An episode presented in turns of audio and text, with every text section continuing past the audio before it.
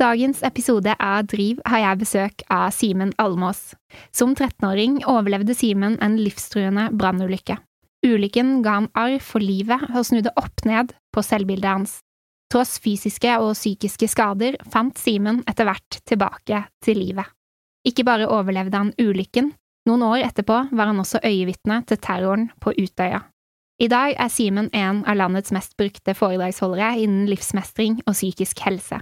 Han brenner for å inspirere andre til å ta vare på øyeblikkene og til å leve. Hvordan håndterte Simen usikkerheten som oppsto i kjølvannet av ulykken, og hva tenker han om arrene sine nå? Hvilke råd har han til andre som føler at de ikke passer inn, og ikke minst, hva motiverer egentlig en motivator? Det skal vi få høre mer om nå.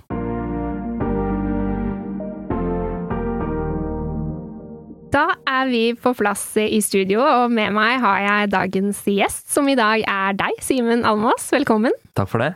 Veldig hyggelig å ha deg her. Ja, Veldig hyggelig å få lov til å komme hit og være med på podkasten. Ja. Mhm. Jeg vet jo at du er mye på reisefot som eh, foredragsholder, så jeg er veldig fornøyd med at jeg har klart å håve deg inn eh, til en episode av Drive også. Eh, Jeg gleder meg veldig til å høre deg fortelle om det du har vært gjennom, og ikke minst hvordan du har kommet deg gjennom det på den måten du har. Og så tror jeg både jeg og lytterne kan ha mye å lære, ikke minst. Men først så vil jeg stille deg mitt åpningsspørsmål eh, her. Det er eh, hvilke konkrete grep er det du kan ta for å snu en litt kjip dag om til en litt bedre en? Åh, det tror jeg bunner i å bare være takknemlig for å være til stede, være i live. Og før så var jeg i hvert fall en sånn fyr som tok det veldig for gitt. Men så prøver jeg å være takknemlig òg, for at jeg får oppleve de kjipe dagene. For det er jo ikke alle som får lov til å oppleve det. Så det er litt av det ja, perspektivet jeg prøver å holde på de kjipe dagene. At jeg også skal jobbe mot å være takknemlig for de dagene også. Mm. Mm. Så jobbe med å tenke over hva du faktisk er glad for. Riktig. Ja. Mm. Nå gikk vi veldig dypt inn i det her Ja, med rett i dybden. Ja, men det er fint da. Det, altså, ja. Du, som 13-åring så ble du livstruende brannskadd i en eksplosjonsulykke. Kan du fortelle litt om hva det var som skjedde? Ja, eh, det var jo da en høstdag, 6. august eh, 2007. Jeg var, eh, var aleine hjemme på Gjøvik. Eh, Mutter'n hun satt i nabohuset og skrev, for hun hadde hjemmekontor der. Og pappa han var på jobb 20 minutter unna, Gjøvik. Em, og som ung så var jeg en gutt da, som elska å teste grenser, elska å leke med ild og ja, rett og slett teste grenser. Jeg var en eh, fyr med veldig mye energi, da. Um, og eh, for noen uker, eh, uker før ulykka mi, da, så var det en kamerat av meg som hadde fortalt at han hadde laga en sånn um, røykeffekt hjemme på gårdsplassen. Og den 6. august 2007 så bestemmer jeg meg da for å, å teste ut det her.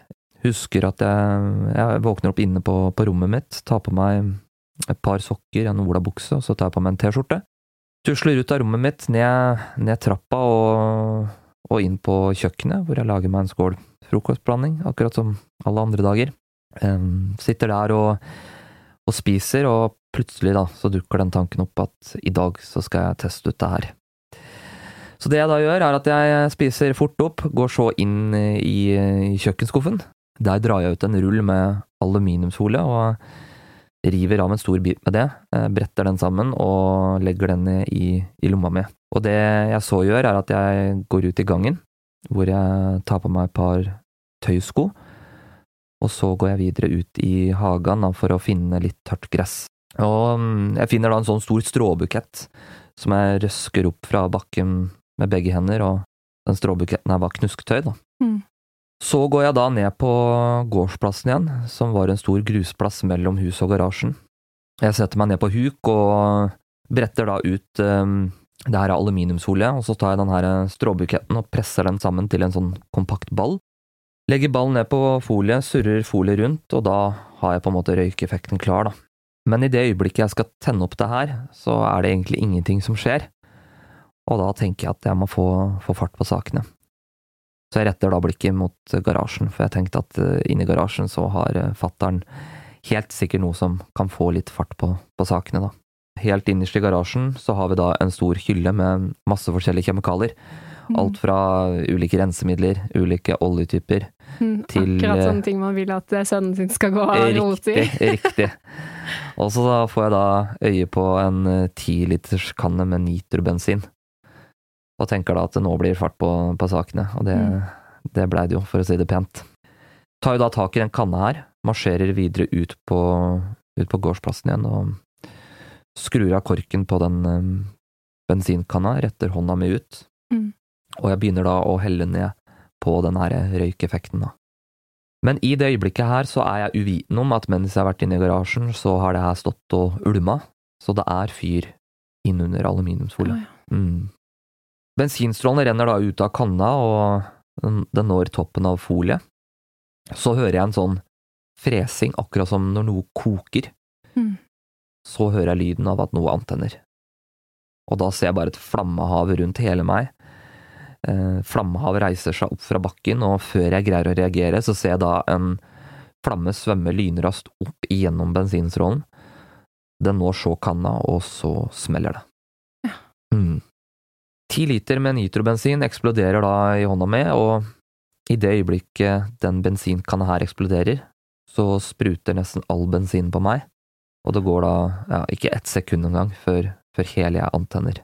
Mm. Og da begynner jeg å kjempe en kamp mellom, mellom liv og død, da. Mm, Da tar alt fyr, altså klær, hår ja. alt. Jeg tar fyr.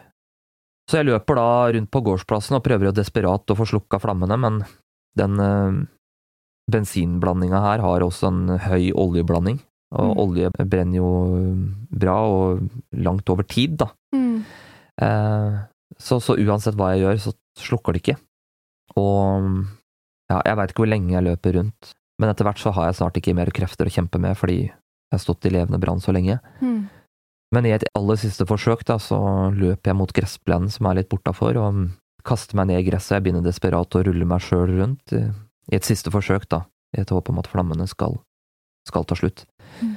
Og jeg er heldig. Til slutt så slokker flammene, men jeg blir liggende en god stund på bakken da, før jeg greier å komme meg opp igjen på beina.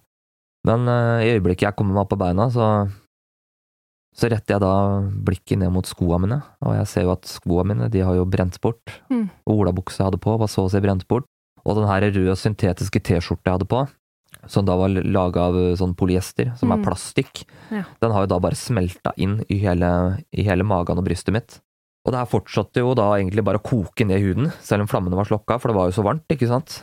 Så det jeg da gjør, er at jeg tar tak i de siste pillene som sitter igjen, og bare river av, da.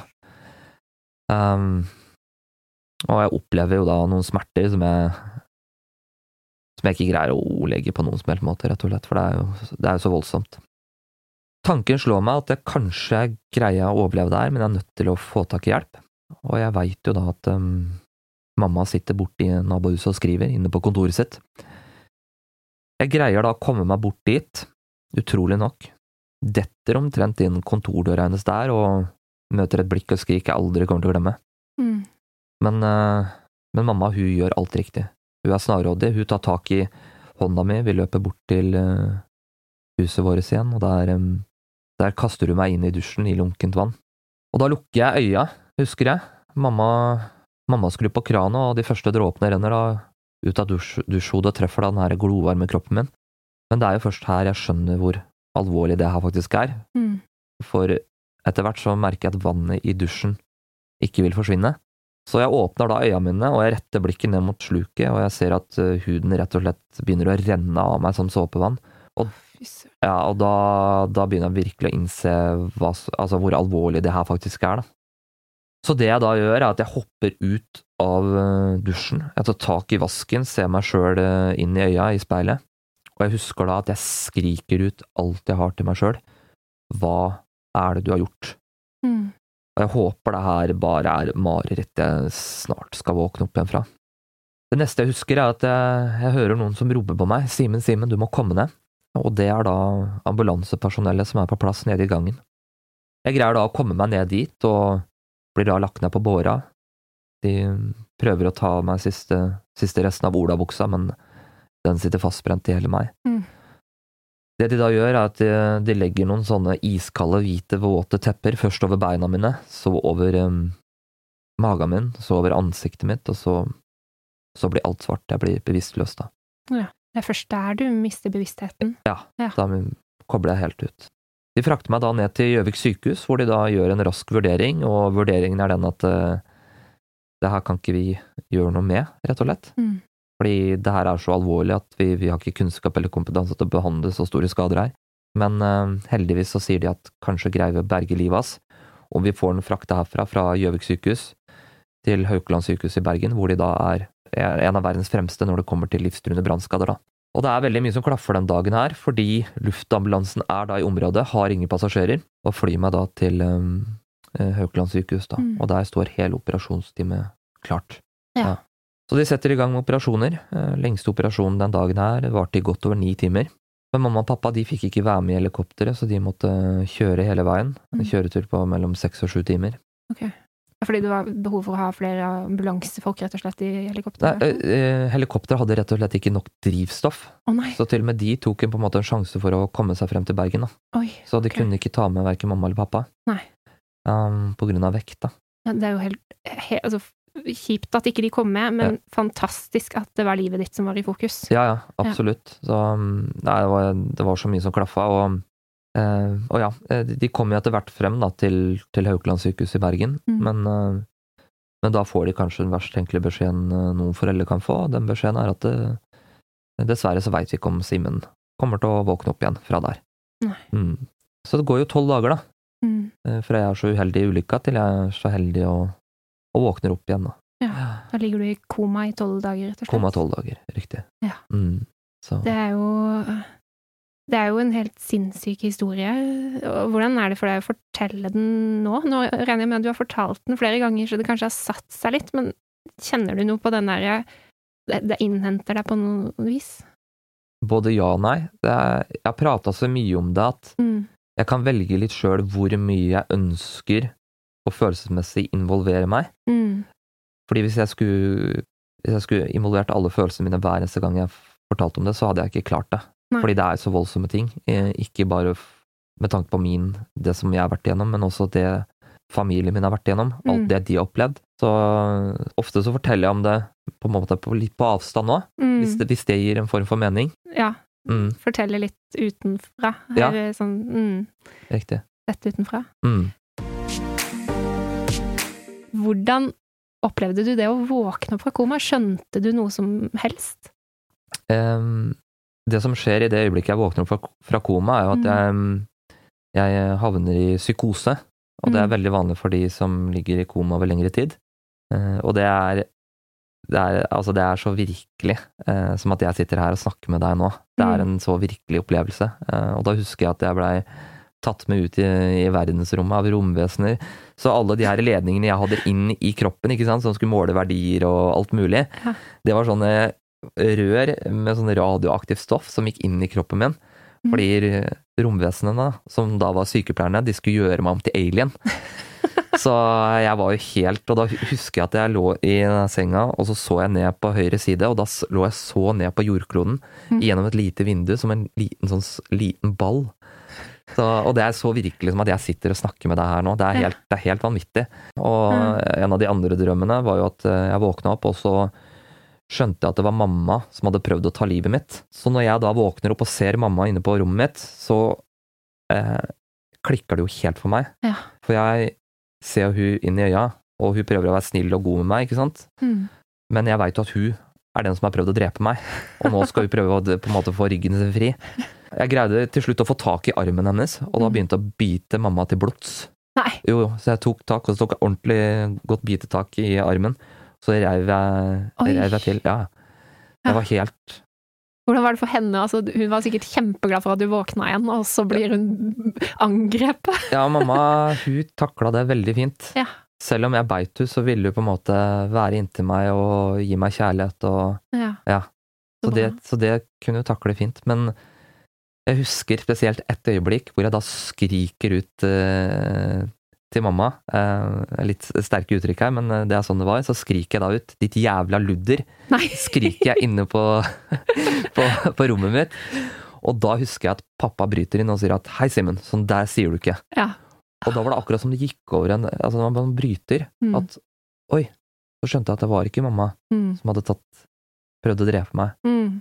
Og da bare kobla jeg helt ut av den her psykosen, og da begynte jeg å gråte. Da skjønte jeg hva jeg hadde gjort, og Mm. var veldig lei meg, da. Hun kasta inn i dagliglivet igjen Riktig. med å snakke Ja. pent til moren sin. Riktig. Ja, det var bra. mm. Eh, Jeg har jo sett noen bilder av deg Mm. etter ulykken. Mm. Det er jo snakk om massive skader på særlig da overkroppen. Hvordan var det å se seg selv i speilet igjen etterpå? Hvor fort gjorde du det, på en måte? Tok det lang tid før du turte? Det var vel noen dager etterpå Ja. hvor jeg Det øyeblikket husker jeg veldig godt, da. Da blir ble jeg tatt ned fra De tar meg ned fra senga mi og setter meg i rullestolen inne på rommet mitt på Mm. Og så er det fattern som står bak, da, i en sånn der eh, gul, stor frakk som han hadde på seg. Og så snur jeg meg i rullestolen, og så sier jeg til fattern at eh, Du, fattern, kan ikke du trille meg bort til speilet der, fordi jeg vil se hvordan jeg ser ut? Og det gjør han. Han triller meg da bort, og da sitter jeg der og får se meg sjøl for første gang etter skaden. Mm. Og da husker jeg at jeg sier to ting til meg sjøl, to tanker på hodet. Nummer én, Simen, du, du kommer aldri til å få en kjæreste igjen. Mm. Yes, det var første tanke. Det var på en måte Ja, det er jo sånn å være gutt og 13 år, det er liksom det eneste som står i huet på en, ikke Mm. sant? Så, men tanke nummer to er jo mer dramatisk, og den er rett og slett at eh, jeg ikke har lyst til å leve lenger. Jeg har ikke lenger lyst til å fortsette livet mitt. Fordi jeg forstår ikke på det tidspunktet her hvordan, hvordan jeg skal komme meg tilbake igjen. Ehm, og i tillegg til det så hadde jeg også pådratt meg en veldig alvorlig skade, nerveskade i venstre bein, Ja. som gjorde at uh, når jeg da våkna opp og noen så vidt strøyk meg på tærne, så skreik jeg smerter. smerter, Uh, og det visste heller ingen om noen gang kom til å bli bra igjen. Og så tenkte jeg med meg sjøl at ja, kanskje en dag så så greier jeg på en måte å komme meg opp igjen på beina, men hvordan skal jeg noen gang kunne leve med de skadene her? Mm. For nå har jeg da fått en helt ny kropp. En kropp som er totalt annerledes fra Mm. det jeg har levd med alle mine år. Og det er jo den perioden her ikke sant, hvor vi skal finne oss sjæl, kropp, identitet, Mm. altså kjæreste Altså hele den pakka, ikke sant. Og så skal jeg da begynne å forholde meg til det her, og det, det forstår ikke jeg hvordan jeg skal få til det. Men, eh, men heldigvis på Haukeland sykehus, der var det ikke sånn at jeg fikk ligge i senga mi og synes synd på meg sjøl. Der var det opp og stå og altså det, var, ja, det er veldig viktig som brannskade at du får aktivitet, kommer deg opp, og jeg husker jo til og med at eh, huden min den sprakk jo opp i det øyeblikket jeg skulle liksom opp og stå på beina, men det måtte jeg bare gjennom. Ja. Fordi hvis du blir liggende, så gror altså huden din, den blir så stiv. Så det var kjempeviktig at jeg kom meg opp, og, og der hadde jeg, hadde jeg et fantastisk eh, helsepersonell rundt meg da, som Mm. pusha meg til å gjøre det. Mm. Mm. Nå jobber du jo som foredragsholder, blant annet. Du er coach for en helseplattform og, og jobber som inspirator. Du snakker om disse mørke tankene. På et eller annet tidspunkt så må jo de ha snudd for at du skal kunne gjøre den jobben du gjør i dag. Når var det ting begynte å bli litt lettere for deg? Det begynte å bli lettere etter jeg kom inn på noe som heter Burn Camp, som er en årlig leir for eh, brannskadde barn og ungdom som vi har her i Norge. Ja. Og det er eh, da en ukes eh, leir hvor vi rett og slett er med hverandre og bare har det gøy. Vi er på Tusenfryd, vi er ute og bader, vi, er, vi driver med båtkjøring, vi gjør, er på brannstasjon Mm. og bare er sammen. Fordi eh, i mitt hode så var jo jeg egentlig Jeg skulle jo ikke være brannskadd, ikke sant. Jeg var ikke villig til på en måte akseptere det og begynne å anerkjenne at sånn er jeg. Men heldigvis så kom jeg på den eh, campen her, da, hvor det er mange andre brannskadde. Og da er det spesielt eh, en person som heter Peter Egli, Mm. som i dag også er min, en av mine nærmeste kamerater, da. Som da er leder på den campen her, og som tar meg veldig sånn under, under vingene, og han blir på en måte mitt forbilde. Og han, eh, han viser jo alle arra sine og, og lever fint med det, Mm. og det blir en sånn derre et vendepunkt for meg, hvor jeg ser at eh, det går an å ha et fint liv, selv om man ser veldig annerledes ut, da. Mm. Mm. Ja, for det vil jeg anta at folk hadde litt vanskelig for å kanskje approache sånn i tiden før, altså i din vanlige skoleklasse, da, hvor folk så helt vanlige ut. Hvordan forholdt de andre barna i klassen seg til arrene dine og Nei, mange var jo nysgjerrige, Ja. uh, og det var kanskje noe av det som var, var vanskelig òg, fordi mange ville jo se huden min. Hvordan var det arra mine egentlig så ut? Fordi jeg gikk jo med en sånn kompresjonsdrakt. Over lengre tid. Fordi som brannskada, hvis du er veldig alvorlig brannskada, så har ikke huden noen struktur å vokse etter. Så jeg måtte da gå med en sånn kompresjonsdrakt, Mm. sånn at arra mine skulle bli klemt ned og bli penest mulig over tid. Og den drakta her skulle jeg da gå med i, i 23 timer i døgnet i to og et halvt år. Ja. Så, men den drakta her blei jo egentlig litt sånn ålreit å gå med etter hvert, fordi da kunne jeg si til de som var interessert, at nei, eller nysgjerrig, da, at nei, jeg har, har på meg en sånn kompresjonsdrakt, Mm. så jeg kan ikke vise fram armen mine, og det blir litt sånn vanskelig. Mm. Så det blei på en måte det her lille skallet, da, som jeg også gjemte meg Mm. bak.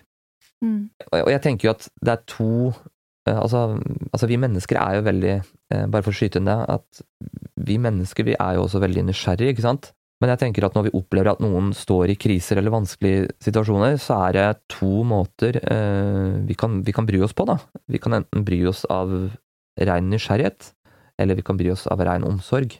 Mm. Og det er veldig to ulike måter å bry seg på. At veldig mange var interessert i ja, hva var det egentlig som skjedde. Hvordan var eksplosjonen? Fløy du? Var det mye blod? Ikke sant? Men så var det kanskje ikke så mange som spurte om åssen er det du har det i dag. Er det et eller annet jeg kan gjøre for deg, som jeg kan gjøre hverdagen din litt bedre?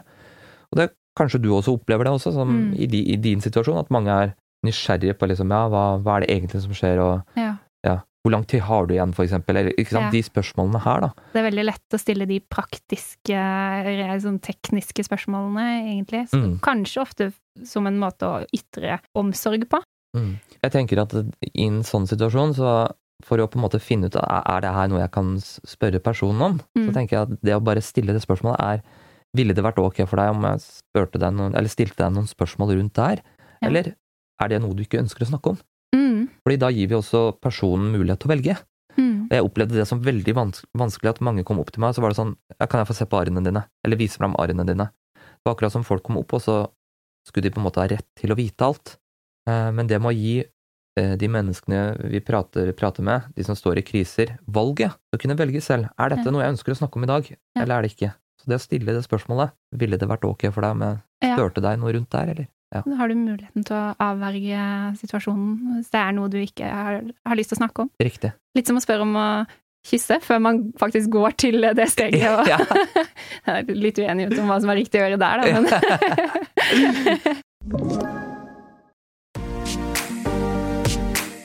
Hvordan er det i dag, da? Altså, er det sånn For jeg, nå, nå sitter du jo her, og du ser fin og frisk og helt ut som alle andre, egentlig. Og så har du jo på deg T-skjorte, så jeg ser jo at du har arr. Det er ikke noe jeg tenker over sånn umiddelbart.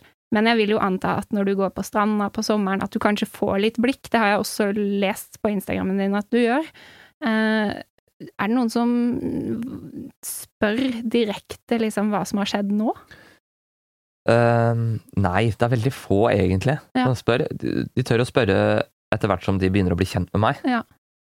Men eh, for, for litt siden så møtte jeg en person på trening, da, og så så jeg at han sto veldig, mens vi hadde samtalen, og kikka. Mm. Eh, og var litt sånn eh, Prøvde å, eh, hva skal jeg si, ikke vise det åpenbart at han så arra mine, Mm. men jeg så at han kikka. Og da bare tok jeg det med en gang. Og så sa jeg at eh, du ser sikkert at jeg har litt sånn arr. Og så sa jeg at jeg er brannskada. Ble brannskada da som, som 13-åring. Mm. Og vi, vi mennesker er jo veldig nysgjerrige, ikke sant? Og det var det jeg sleit veldig mye med som 13-åring. Når jeg fikk alle de her blikka, så tenkte jeg at folk så på meg fordi jeg var stygg og ekkel. Mm.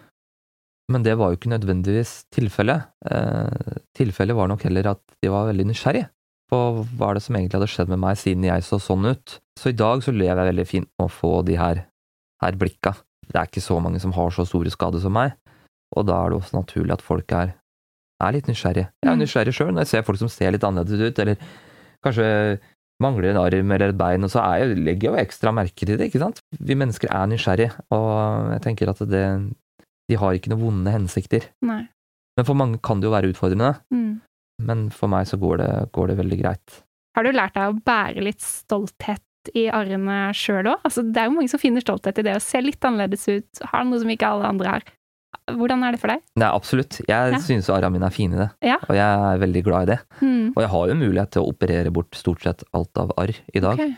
selv om det vil ta noen år, da. Eh, Og det kan jeg gjøre gratis. Men i dag så syns jeg på en måte arra mine er litt sånn fine, kule, litt battle scars. Mm. Jeg har vært igjennom litt. Ja. Så i dag eier jeg skadene, eller arra mine veldig på, en- på en god måte, da. ja. Så Det er veldig Mm. godt å høre. Jeg har jo noen stråletatoveringer selv fra den maskinen jeg var inni når jeg skulle fjerne kreftsvulsten, og det er, det er også noe jeg selvfølgelig kan fjerne. Ja. Men nei, jeg vil Mm. ikke gjøre det. De er der, og de minner meg på hva jeg har vært igjennom. mm. Så er jeg selvfølgelig skalla også, det også minner meg på, på hva, hva jeg er i, står i. Men det er litt med det der å eie det litt. Ja, og så tenker jeg at for noen så kan det være riktig å, å på en måte operere bort arra sine fordi de Mm. sliter så med det, og det, det skal man respektere, og det respekterer jeg fullt ut. Men for meg da så vil jeg jobbe lengst mulig for at jeg ikke skal gjøre noen endringer, fordi jeg tror at i det øyeblikket jeg begir meg ut på den veien der, så er det eh, fort gjort å aldri på en måte bli fornøyd, og det Mm. ser vi ikke minst blant altså,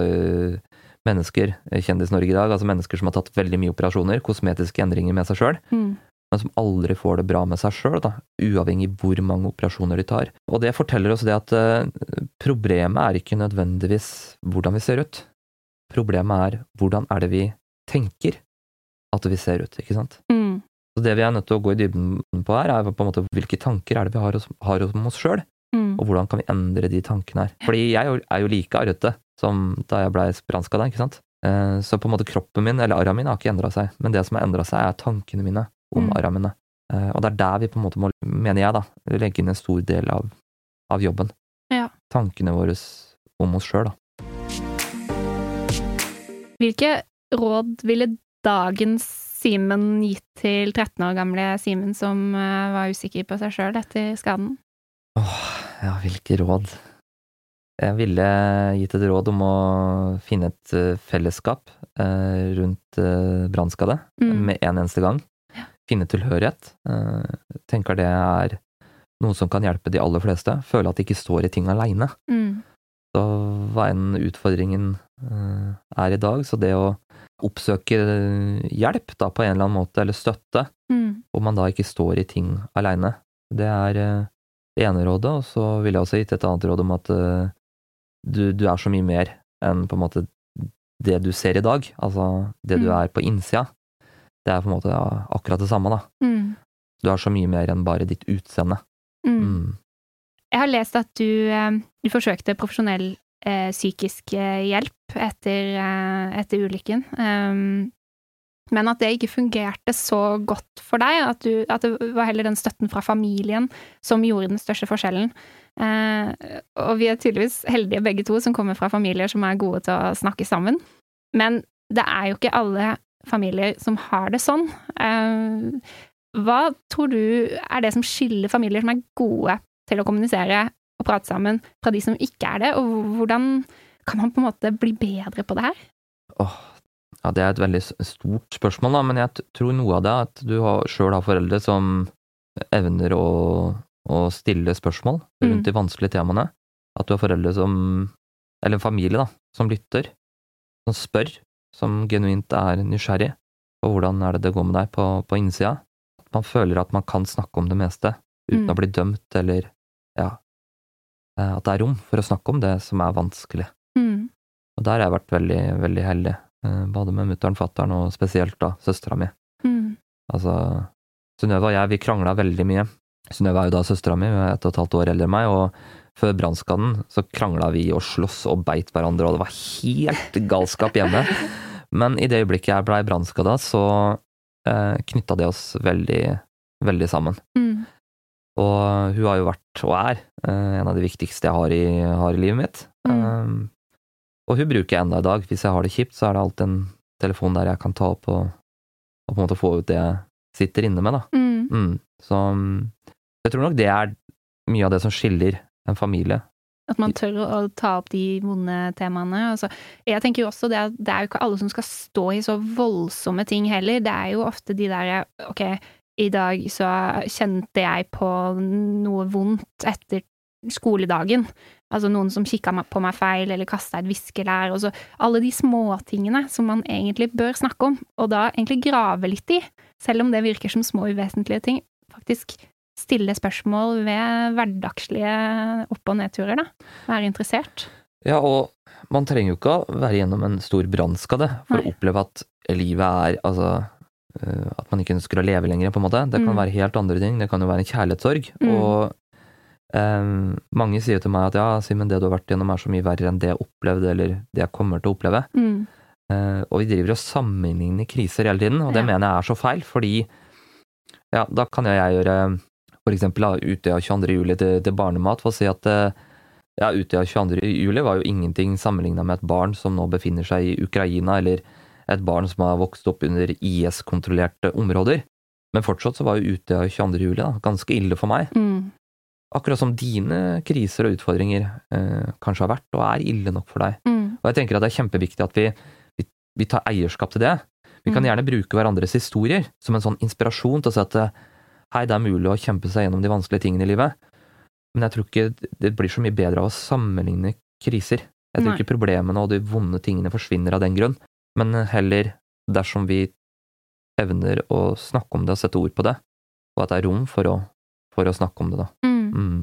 Ja, for du nevner jo her uh, Utøya, og jeg vet jo at du, at du var der, og at du eh, ikke mista noen av dine aller nærmeste, men du har jo likevel sett terroren på kloss hold. Hvordan, hva gjorde den opplevelsen med deg? Ja, den opplevelsen der ute var jo Det er jo helt surrealistisk når jeg tenker tilbake på det. Mm.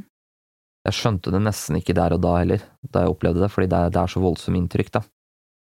Og ja, jeg var jo veldig heldig. Jeg fikk hjem uh, søstera mi. Hun dro hjem tre timer før det skjedde, fordi Ja. hun måtte på jobb. Og hun hadde prøvd å søke seg fri og alt mulig, og det var ingen som kunne ta vakta, vakta hennes. Så Mm. tre timer før det her skjer på Utøya, så står da mamma og pappa på kaia og plukker opp søstera mi og kjører til Gjøvik. Mm.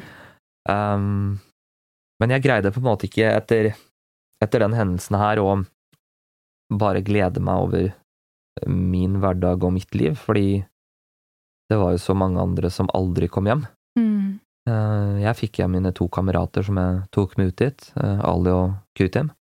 Men sånn som søstera mi, da, som eh, dro dit sammen med bestevennen sin, eh, Even. Mm. Even var en helt fantastisk, eh, fantastisk fyr. Og han kom jo da aldri, aldri hjem igjen. Mm. Så jeg greide på en måte ikke å bare glede meg over at jeg var så heldig. Men sånn som jeg og søstera mi, vi har jo brukt hverandre veldig i den, den krisa her, og prata mye om de ulike tingene, og det gjør vi enda i dag. Og da er vi tilbake på det her med å igjen ha noen å lene seg på, da. Mm. Og det er kanskje det som er den røde tråden gjennom alt jeg har vært igjennom, det er å ha noen der hvor du kan dele tankene og få ut ting, og det er jo akkurat det at når vi deler, så er det ikke bare det at vi får ut tankene våre og, og det vi har på hjertet, men det som er så fint at når vi deler, da, det er at vi tillater noen å bli med inn i vår egen verden, Mm. Uh, hvor de kan gjøre to ting. De kan enten bekrefte de tankene vi sitter inne med, eller avkrefte tankene, eller de kan også gi oss noen nye perspektiver, ikke sant? Mm. Derfor er det så viktig at vi tør å prate om de vanskelige tinga. Ja. Mm. Du deler jo også mye i de foredragene du er rundt og holder. Mm. Um, Det er jo dette du egentlig gjør. Eh, Du har reist eh, land og strand rundt og, og snakka med folk eh, som inspirator og foredragsholder. Er det litt det samme det gir deg å dele til fremmede og ukjente i store forsamlinger? Ja, det er veldig givende. Ja. Det er eh, Og det er så fint å se at når man sjøl velger å dele av seg sjøl, så er det så mange andre som velger å gjøre det samme. Mm. Og jeg tenker at det er jo så altfor mange som går og bærer på vonde og kjipe ting helt aleine. Mm. Og jeg tenker at det er helt umenneskelig, fordi vi alle kommer til å oppleve så tøffe perioder i løpet av et liv at vi ikke greier å stå i det aleine. Og da er vi nødt til å ha noen å, å lene oss på, um, og se at det er ok at, det er, at vi går igjennom vanskelige ting. Og spesielt vi gutta, vi har jo en stor jobb å gjøre her. Det er noe av det jeg brenner veldig for. Uh, Så to av tre som tar livet sitt i dag, det er menn. Mm. Også yngre menn. Og jeg er ikke i tvil om hvorfor, fordi vi skal være tøffe og kule og harde og stå på en måte alt aleine. Mm. Men så opplever vi kanskje tidenes kjærlighetssorg eller noe annet som er vondt, og så aner vi ikke hvordan vi skal takle det, vi aner ikke hvordan vi skal snakke om det, vi aner ikke hvordan vi skal leve med det. Og sånn som jeg har det i vennegjengen min, da, der er vi veldig flinke til å spørre hverandre, ta vare på hverandre, snakke om de, de vanskelige tinga. Ja, så bra. Før så var jeg ikke det, eh, men jeg har alltid vært flink til å si til kameratene mine at er det noe du står i, sliter med, kom og snakk med meg, ikke sant? Det Mm. var ingen av de som gjorde det, inntil jeg sjøl valgte å gjøre det.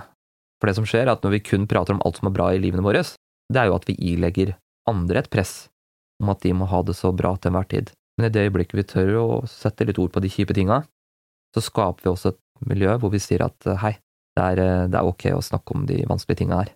Og det er det vi er nødt til å jobbe mer for, da. Mm. Det er vi. Hvordan kan en fin, typisk åpning være fra en liksom guttastemningssession til å faktisk ta opp de tøffe temaene, da? Jeg tenker guttastemning kan jo også være de tøffe tinga. Ja, det kan det. Ja, vi kan også inkludere det i guttastemning. Ja. Det trenger ikke å være sånn at vi går, nå skal vi det helt ned i dypet, men, men Mm. eh, også liksom sosiale sammenkomster. Ja. Spørre deg noe du går og bærer på eh, Mm. om dagen. Har du det bra? Åssen har du det du egentlig har det på innsida? Mm. Ja. Og spesielt hvis du også har kamerater rundt deg som aldri har pratet om å ha det vanskelig, så er kanskje det et veldig godt tegn på at de samtalene der bør startes. Mm. Fordi hvem er det som går gjennom livet og ikke har det vanskelig? Ja. Ikke sant? Um, Simen, jeg vet du snakker mye om det her med å finne mening. Eh, du snakker jo om mye om dette med hva som eh, kan gi økt livsglede hos andre i Mm. foredragene dine. Eh, finnes det egentlig et godt svar på hva som er meningen med livet? Jeg tror mening med livet ligger i de vi har rundt oss. Ja. Fordi hvis du var helt aleine på kloden, altså du hadde ingen å snakke med, du hadde ingen venner, ingen familie, eh, ingenting. Mm. Altså hvor mye av livet ditt ville, ville gitt mening? Men i det øyeblikket plutselig du hadde fått noen i livet ditt, så hadde kanskje livet fått en, en helt ny mening eller et nytt perspektiv. Så jeg tror at mye av meningen med livet ligger i de vi har rundt oss. Mm. Eh, gjøre bra ting for de vi har rundt oss, de vi er glad i. Eh, dele øyeblikk med de. Mm. For meg så er i hvert fall det den store meningen med livet. Det er å skape øyeblikk med andre. Mm. Uh, gjøre gode ting for andre. Ja. Det, nøkkelen ligger egentlig litt i sosiale relasjoner og Ja, jeg tror det. kontakt. Ja. Ja. Jeg tror det. Ja. Mm. Det er veldig fint. Mm. Uh, hva er det Nå la jeg jo svaret litt i munnen på deg, men uh, hva er det som fyller ditt liv med mening, da? Er det menneskene, i, altså utelukkende menneskene, eller er det noe mer sånn konkret? Det er menneskene, men Ja. så er det også det å bare få lov til å være, leve. Mm. Fordi mange leiter jo også etter den her store meninga med livet, men, Mm. men må det være det for at det skal være et bra liv? Kan ikke meninga være nok å bare leve, og oppleve å være til stede her? Jeg har i hvert fall blitt, blitt mer og mer bevisst på det, spesielt etter de tingene jeg har vært igjennom, da. At det å bare våkne opp på en ny dag, Mm. Det å gå tur, legge merke til det du har rundt deg, altså det å bare få lov til å være i livet, opplevelsen av å være her, Mm. akkurat her og nå, den er, den er ganske syk, mener jeg da. Altså Mm. det, er, det er helt rått, egentlig. Ja. Uh, Men jeg- tror ikke det er så mange som er bevisst på det. Fordi vi ikke har blitt lært opp til å være bevisst på det. Mm. Vi tror at meninga med livet, det ligger jo langt der fremme. Mm. Ikke sant? Når du har fått deg eh, leilighet, eh, hus, båt, familie, altså hele den pakka, da. Mm. At det er det mange jobber for. Eh, Det er det, det, er det mange tror er liksom meninga med livet. Og det kan være en ja, noe av meninga med livet, for all del. Men å på en måte vente på at livet skal starte langt der fremme, da, da tror jeg du uansett havner inn i en sånn spiral, hvor du da kommer til det punktet hvor du da fikk kjøpt det huset, og så varer den lykkefølelsen i kanskje en dag. Fantastisk. Mm. Og så er det sånn, ja, men hva- er nå? Ikke sant? Mm. For du, du har ikke lært deg å være takknemlig og se gleden i livet med bare det du har, da. Mm. Mm. At du hele tida vil måte, strekke deg til neste seier, neste mål. Altså at man faktisk fokuserer litt mer på hva man er heldig å ha. Riktig. Ja. Absolutt. Og det, og det tror jeg også har veldig mye med, mye med skolen å gjøre. Fordi sant, vi vokser opp i dag, og så skal vi, vi skal alltid ha bedre karakterer. ikke sant? Mm. Den, den mattekarakteren du fikk i forgårs, bra jobba, men nå er det nytt mål. Mm. Ikke sant? Så vi blir hele tida programmert til at vi skal alltid ha progresjon. Vi må alltid på en måte bli bedre. Mm. prestere bedre, få høyere utdanning, finere hus, større hus, Mm. ikke sant? Jeg skulle ønske det var et eller annet i skoleverket hvor vi lærte oss til å på en måte være mer til stede, være takknemlige for det vi har, og dyrke mer av det, da, Mm. fremfor å bare jobbe mot alt som er, ligger der fremme, Ja. som vi ikke vet om vi kommer til å få oppleve engang, Ja. ikke sant? Så, mm, Men jeg er helt enig. mm, På Instagram så har du skrevet under et bilde at eh, det som ofte roter det til, eh, Mm. er alle disse forventningene om hvordan livet skulle bli. Eh, kan du dele en liten Jeg syns det var så fint, så jeg lurte på om du har en liten refleksjon rundt det sitatet. eh, ja, eh, fordi vi, vi alle har jo forventninger til livet, ikke sant? Mm. Eh, Vi har forventninger til, egentlig til alt. Men hva skjer når de forventningene ikke møtes? Mm. Ikke sant? Ja. Da er det veldig mange av oss som opplever en form for begrensa livskvalitet, at livet ikke er bra nok. Mm. Og jeg tenker at eh, forventninger er kjempeviktige. Skal vi oppnå endringer, få til ting, så må vi forvente at dette her kan vi få til. Men jeg mener jo også at vi må, vi må bli mer bevisste rundt hva slags forventninger er det vi har. Fordi om forventningene er helt, helt her oppe, da, eh, og så møter, mø, altså møter virkeligheten oss på halvveien, Ja. så blir det plutselig et veldig stort gap mellom det vi forventer og hva livet serverer oss. Og sånn er det mange av oss opplever at livet ikke er bra nok. Ja. Så det må bli mer bevisst på hva slags forventninger er det vi har til oss sjøl, Mm. til utseendet vårt for eksempel, Mm. til prestasjoner på trening, Mm. eller hva enn det er. Og så kan vi også kanskje senke de forventningene bitte litt òg. Så ja, det å bli mer be- bevisste rundt hva slags forventninger vi har. Og, Mm. og så er jo det aller meste i livet kan vi faktisk ikke styre. Nei. Det er mange av oss som tror at liksom de planlegger Vi kan planlegge og tilrettelegge for at ting skal skje, og at ting skal gå den veien, Mm. men det er egentlig uten, helt utenfor vår kontroll, mye av det, ikke sant? Ja, Så det er det. Det, altså, sånn sett fra mitt ståsted nå med det jeg har vært gjennom, så er det Mm. jo ofte altså, Jeg var jo akkurat kommet dit i livet at jeg hadde rukket å få på plass mange planer og forventninger og liksom Sånn her skal det se ut fremover. Og så ja, slenges kreft på bordet, da, og så er det jo det hadde rota det veldig til hvis jeg hadde hengt meg opp i alle de planene og alt som skulle være. Da hadde jeg, og jeg gjorde jo det i starten, selvfølgelig, det var kjempevanskelig, men jeg måtte raskt snu meg om og prøve å tenke ok, hva er det jeg kan få ut av dette livet nå, tross kreften, på en måte? Legge om forventningene litt, altså tenke mer her og nå, som du sier. Altså, det, jeg skjønner at det roter det til for mange, da. Det var derfor jeg syns det sitatet ditt var så fint. ja, jeg Det- tror, vi, tror vi har veldig mye å prate rundt akkurat det der, altså. Ja. Ja. Mm. Eh, Vi skal snart eh, runde av denne sessionen her, eh, dessverre. Ja. Men hva ønsker du for livet ditt nå? Hva er liksom drømmen din? Eh, drømmen min, oi. Ja, det er et stort spørsmål. Drømmen er å gjøre mer av det jeg gjør i dag, Mm. og bare ha eh, en fin hverdag, rett og slett. Mm. Eh, gode øyeblikk med, med venner eh, og familie, så lenge jeg har de her. Mm. Eh, det er jo en del av den der eh, greia med livet, at alt er bare midlertidig, og så forsvinner alt, på en måte. Så drømmen er egentlig bare å, å kunne gjøre mer av det jeg gjør i dag. Mm. Eh, jobbe med å være mer takknemlig for det jeg har, og være mer til stede da, i livet. Ja. Eh, Det er fint. Mm. Har du noen sånn siste gode råd til andre som kjenner at de ja, er usikre på enten utseendet sitt eller, eller noe annet? At de ikke passer inn? Finn eh, noen å snakke med. Finn tilhørighet et eller annet sted. Ja. Eh, et safe space hvor du kan snakke om de vanskelige tingene. Eh, husk på at alle har sitt. De Mm. mest mm. perfekte folka, eh, som du kanskje ser opp til og er de vakreste og tjoa her, de går også og bærer på ting som de syns er vanskelig med seg sjøl. Alle Mm. har sitt. Ja, og prøv å fokusere på at du, du har det livet du har, um, og vær mer til stede, til stede her og nå. Legg Mm. mer merke, til de tingene som faktisk er viktige i livet ditt. Ja. Mm. Simen, eh, tusen takk for at du eh, tok turen hit til studio. Takk for at jeg fikk komme. Jeg er ikke i tvil om hvem jeg skal ringe hvis jeg trenger noen til et motivasjonsforedrag, eller bare trenger en pitch til meg sjøl en dag jeg har en kjip dag. Ja, det er hyggelig. Eh, masse lykke til videre med den jobben du gjør rundt omkring i landet, og med livet, ikke tusen, minst. Tusen hjertelig likeså. Og takk for i dag. Takk for i dag.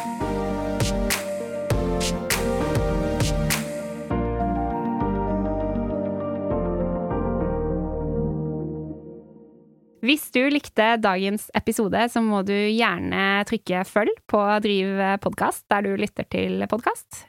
Du kan også følge med i sosiale medier, komme med feedback, ris, ros, andre tilbakemeldinger.